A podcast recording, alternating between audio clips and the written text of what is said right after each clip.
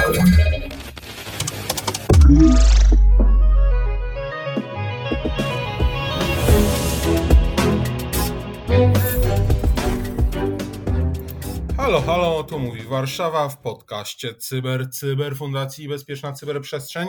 Dzisiaj mamy poniedziałek i 143 dzień roku, a 23 dzień maja, znany też na świecie jako Światowy Dzień Żółwia lub historyczny Dzień Defenstracji Praskiej. My nie będziemy nikogo wyrzucać przez okno, ani nie jesteśmy tak powolni jak żółw, bo to Cyber Cyber Raport, więc jeszcze tylko solenizanci i szybko przechodzimy do weekendowych ciekawostek, tych, które były w weekend. No więc słowo się rzekło, więc musimy wymienić Imieniny obchodzą dziś Jan, Michał, Iwona i Bolelut, czyli po starosłowiańsku sroższy od innych oraz Eufrozyna, najbardziej znana przynajmniej dla mnie w historii, to ta, która była matką Władysława Łokietka. Jeżeli znamy jakąś Eufrozynę, to życzymy jej wszystkiego najlepszego. Jeżeli jakaś Eufrozyna nas słucha, niech się do mnie zgłosi, na pewno dostanie ode mnie nagrodę. Witam Was bardzo serdecznie przy mikrofonie Cyprian Gutkowski. Przedstawiam tą obiecaną garść najnowszych informacji ze świata cyber. Co na dziś dla Was przygotowaliśmy? Atak ransomware ujawnia dane 500 tysięcy uczniów z Chicago. Cybermagazyn czy, czy algorytmy urządzają nam świat. Cisco wydaje łatkę dla nowej luki w zabezpieczeniach systemu iOS XR Zero Day. Częściowe patchowanie nadal zapewnia silną ochronę przed grupami APT. I co słychać na cyberfroncie wojny ukraińsko-rosyjskiej? To na szybko to, co Wam chcę powiedzieć. No i pierwsze, jak pewnie zauważyliście, często odnoszę się do wiadomości ze świata szkół wyższych, czy ogólnie ze świata edukacji. Tak więc i dziś nie może zabraknąć informacji związanych ze szkolnictwem. Chicagowskie szkoły publiczne doświadczyły masowego wycieku danych, który ujawnił dane prawie 500 tysięcy uczniów i prawie 60 tysięcy pracowników. Po tym, jak jeden z ich dostawców, czyli atak na znowu na łańcuch dostaw, dostawca Battle for Kids, to jest Battle for Kids, doznał ataku ransomware w grudniu. Ten atak zdarzył się na początku grudnia. No i ta siedziba Battle for Kids z siedzibą w Ohio jest to organizacja edukacyjna, która jest typu non-profit, analizuje dane uczniów udostępniane przez systemy szkół publicznych w celu projektowania różnego rodzaju modeli nauczania i oceny wyników pracy nauczycieli pracujących z uczniami. Korzysta z prawie tego, tego, z tego prawie 3 miliony uczniów. No i tutaj kuratorium oświaty chicagowskie, Chicago Public Schools ujawniło, że atak ransomware z 1 grudnia na tą aplikację, na ten, na ten system y, ujawnił przechowywane dane 495 tysięcy uczniów i 56 tysięcy pracowników w systemie szkolnym. No i kuratorium twierdzi, że dane przechowywane na serwerach dotyczyły lat szkolnych od 2015 do 2019 roku i ujawniły dane osobowe uczniów oraz wyniki czyli ich oceny.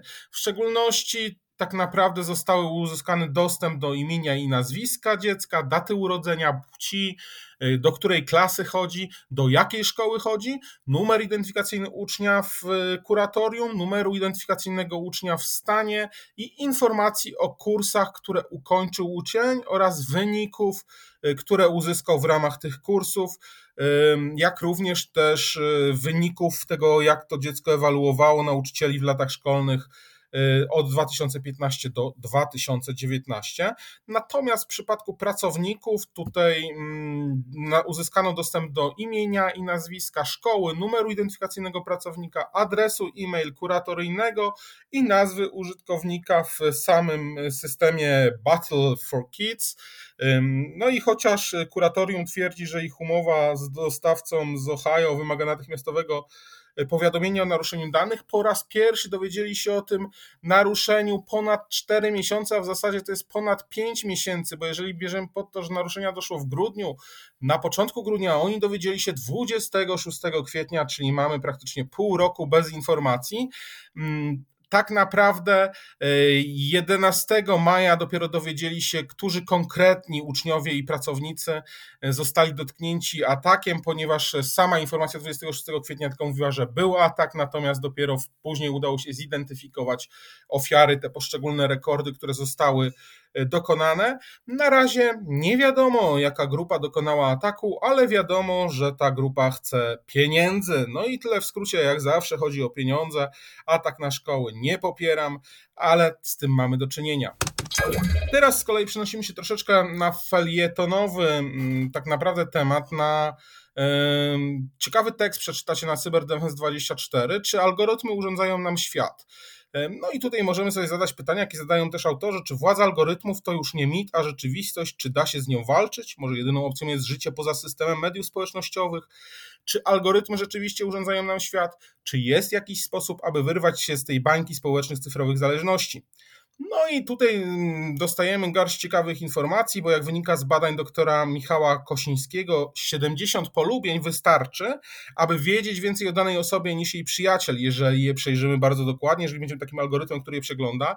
150 lajków to już będziemy wiedzieć lepiej niż właśnie rodzice, a 300 lajków będziemy mieli większą znajomość niż ta osoba zna sama siebie tak to już w tym momencie działa algorytm. No i bardzo ciekawe i tutaj, że mm, często bezrefleksyjnie rozdajemy te lajki, klikając we wszystko, co w jakiś sposób przyciągnęło naszą uwagę. E, zostawiamy wtedy ze sobą cyfrowy ślad i karmimy te wszelkiego rodzaju algorytmy, które w rezultacie faktycznie mają możliwość poznać nas lepiej, starają się dopasować do nas odpowiednie reklamy, starają się nas sklasyfikować na zasadzie, czy może jesteśmy groźnym terrorystą, a może głosujemy na platformę, a może na PiS, więc to rzeczywiście mm, gdzieś jesteśmy klasyfikowani. Mm, algorytm jest narzędzie, które tak naprawdę przy pomocy uczenia e, maszynowego, czyli mamy ten machine learning, zbiera zestaw danych o użytkownikach platform społecznościowych, by serwować właśnie teoretycznie, weźmy to pod uwagę, teoretycznie te treści zgodne z naszymi oczekiwaniami, a bardzo często, o czym y, może to mm, mówić afera z Cambridge Analytica, gdzie dowiadywaliśmy się, że tak naprawdę było nam serwowane to, co chcieliśmy zobaczyć o konkretnym kandydacie, to po prostu przedstawia nam świat taki, jaki chcemy go widzieć, lub taki, jakim nie chcemy go widzieć. W związku z tym dość ciekawy temat, przybliżyliśmy go Wam tylko odrobinę, a w zasadzie ja go Wam przybliżyłem.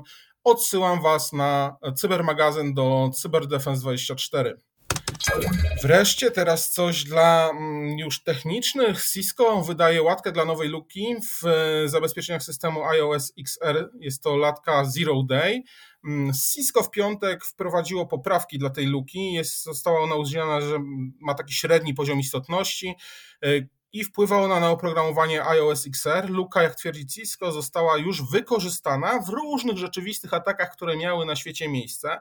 Znana jest jako CVE 2022 20 821. Ten średnia istotność no to wychodzi 6,5 w tej skali do 10. Problem dotyczy luki w zabezpieczeniach otwartego portu, która może zostać wykorzystana przez tą nieuwierzytelnioną osobę do połączenia się z instancją Redis i wykonania właściwego kodu. Taki udany exploit może umożliwić atakującemu zapisywanie w bazie danych Reddit w pamięci, zapisanie dowolnych plików w systemie plików, e, pobieranie informacji o bazie danych. To wszystko możemy przeczytać w takim guidzie, w poradniku Cisco do, do tej luki. Mm, błąd ten został zidentyfikowany podczas rozwiązywania sprawy w e, zwykłym Centrum Pomocy Technicznej. E, on dotyczy routerów Cisco z serii 8000 z oprogramowaniem iOS XR, które mają zainstalowaną i aktywną kontrolę stanu RPM. Jak się okazuje, to kolejna informacja, nawet częściowe patchowanie nadal zapewnia silną ochronę przed grupami APT. E, taki analiza, raport, badanie ujawniło coś, co wielu może uznać jako zaskakujące. Organizacje, które zawsze aktualizują swoje oprogramowanie do najnowszych wersji, mają mniej więcej takie samo ryzyko narażenia, w każdym razie niewiele wyższe, jak te, które stosują tylko określone aktualizacje po ujawnieniu luki w zabezpieczeniach. No i tutaj mm, spojrzano na 350 kampanii APT w latach 2008-2020, e, przeprowadzone przez, e, te badanie zostało przez naukowców z Uniwersytetu Trento we Włoszech i ono pokazuje, że te organizacje stosujące czysto reaktywną strategię aktualizacji oprogramowania miały mniej więcej taką samą szansę na zaawansowany atak ze strony APT, jak te, które na bieżąco o wszystkim dowiadywały się z jakiegoś swojego CTI czy z innych źródeł, które same szukały Zero Day. Dzieje się tak pomimo faktu, że podmioty wdrożyły tylko 12% aktualizacji, które od razu to je robiły, tak? Czyli organizacje rzeczywiście, 12% e, tych organizacji brało jedynie ten udział, że od razu aktualizowało swoje, mm, swoje luki.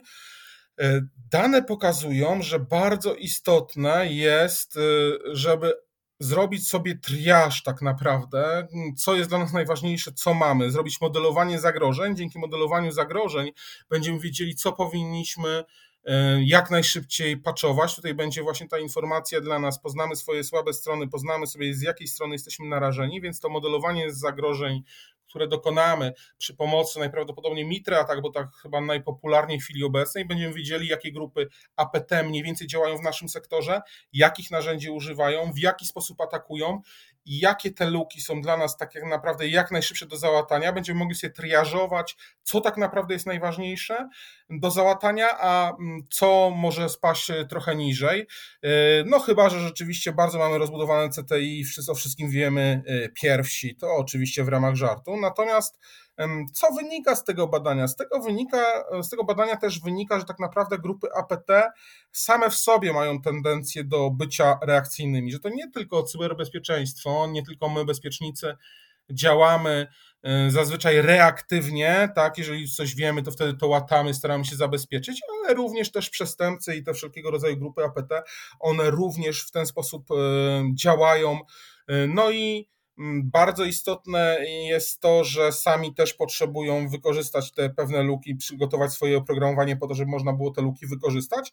W związku z czym też mamy chwilę czasu po samym ujawnieniu luki, ale nie wolno z tym czekać y, ponieważ y, rzeczywiście im szybciej zaktualizujemy swoje, swoje systemy, tym, tym dla nas po prostu lepiej jesteśmy y, bardziej bezpieczni. Mm, no, także jak mówię, te modelowanie zagrożeń, te triażowanie, żeby wiedzieć, co najpierw należy załatać, bo bardzo często nie można wszystkiego łatać z automatu, może nam bardzo pomóc.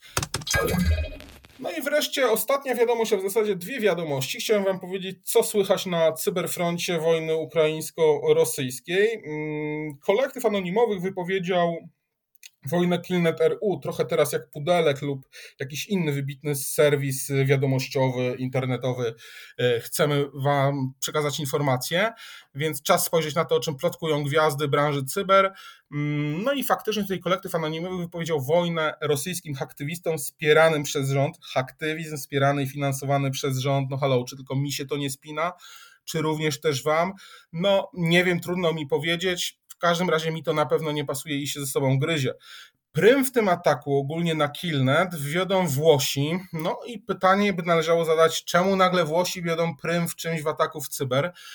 Tak jak już Wam mówiłem, w kwestiach związanych z atakami rosyjskimi na instytucje rządowe, e, mówiłem też Wam o tym, co CESIRT włoski przygotowywał, że dużo wypuszczał ostatnio informacji o zagrożeniach, jak i na sam konkurs tak sławetnej Eurowizji, którego chyba tylko ja nie oglądam w Polsce.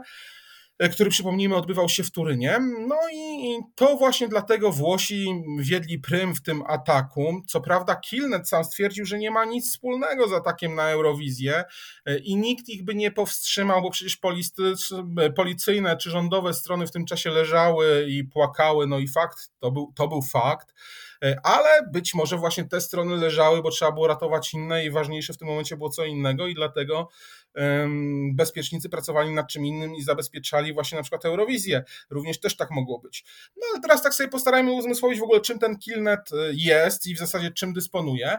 Jeżeli byśmy mieli do tego podejść tak z dużym uproszczeniem, to jest to ponad 500 tysięcy komputerów, które atakują poprzez DDoS. E, ponadto też zgodnie z tym, co deklaruje sama grupa aktywistów rządowych, wśród swoich e, oprogramowań cyber używają Mirai, czyli złośliwego programowania zdolnego do zrekrutowania różnego rodzaju urządzeń podłączonych do internetu. Może to być telewizor, router domowy, dekoder, więc na przykład gdy oglądamy sobie z żoną cudowny serial na Netflixie i trochę on nam się tnie, to może się okazać, że właśnie nasz dekoder może próbować naruszyć bezpieczeństwo jakiejś elektrowni jądrowej na Ukrainie, czy też odciąć od prądu jakiś szpital we Włoszech, a może szkołę w Chicago. E, Włosi oczywiście zbytnio nie byli przygotowani, ale tę wojnę wypowiedzieli. Tak jak podawałem, ja wam nawet niedawno tę informację, to Cesir Włoski e, informował o tych krytycznych podatnościach, jakie trzeba natychmiast usunąć. Nie szło to najlepiej. No, Włosi starali się jak zwykle coś zrobić, ale niekoniecznie zorganizowanie. Natomiast teraz do tej wojny z Killnet oficjalnie dołączyli już nie tylko włoscy anonimowi, ale także cały kolektyw. Jak to dalej będzie, zobaczymy.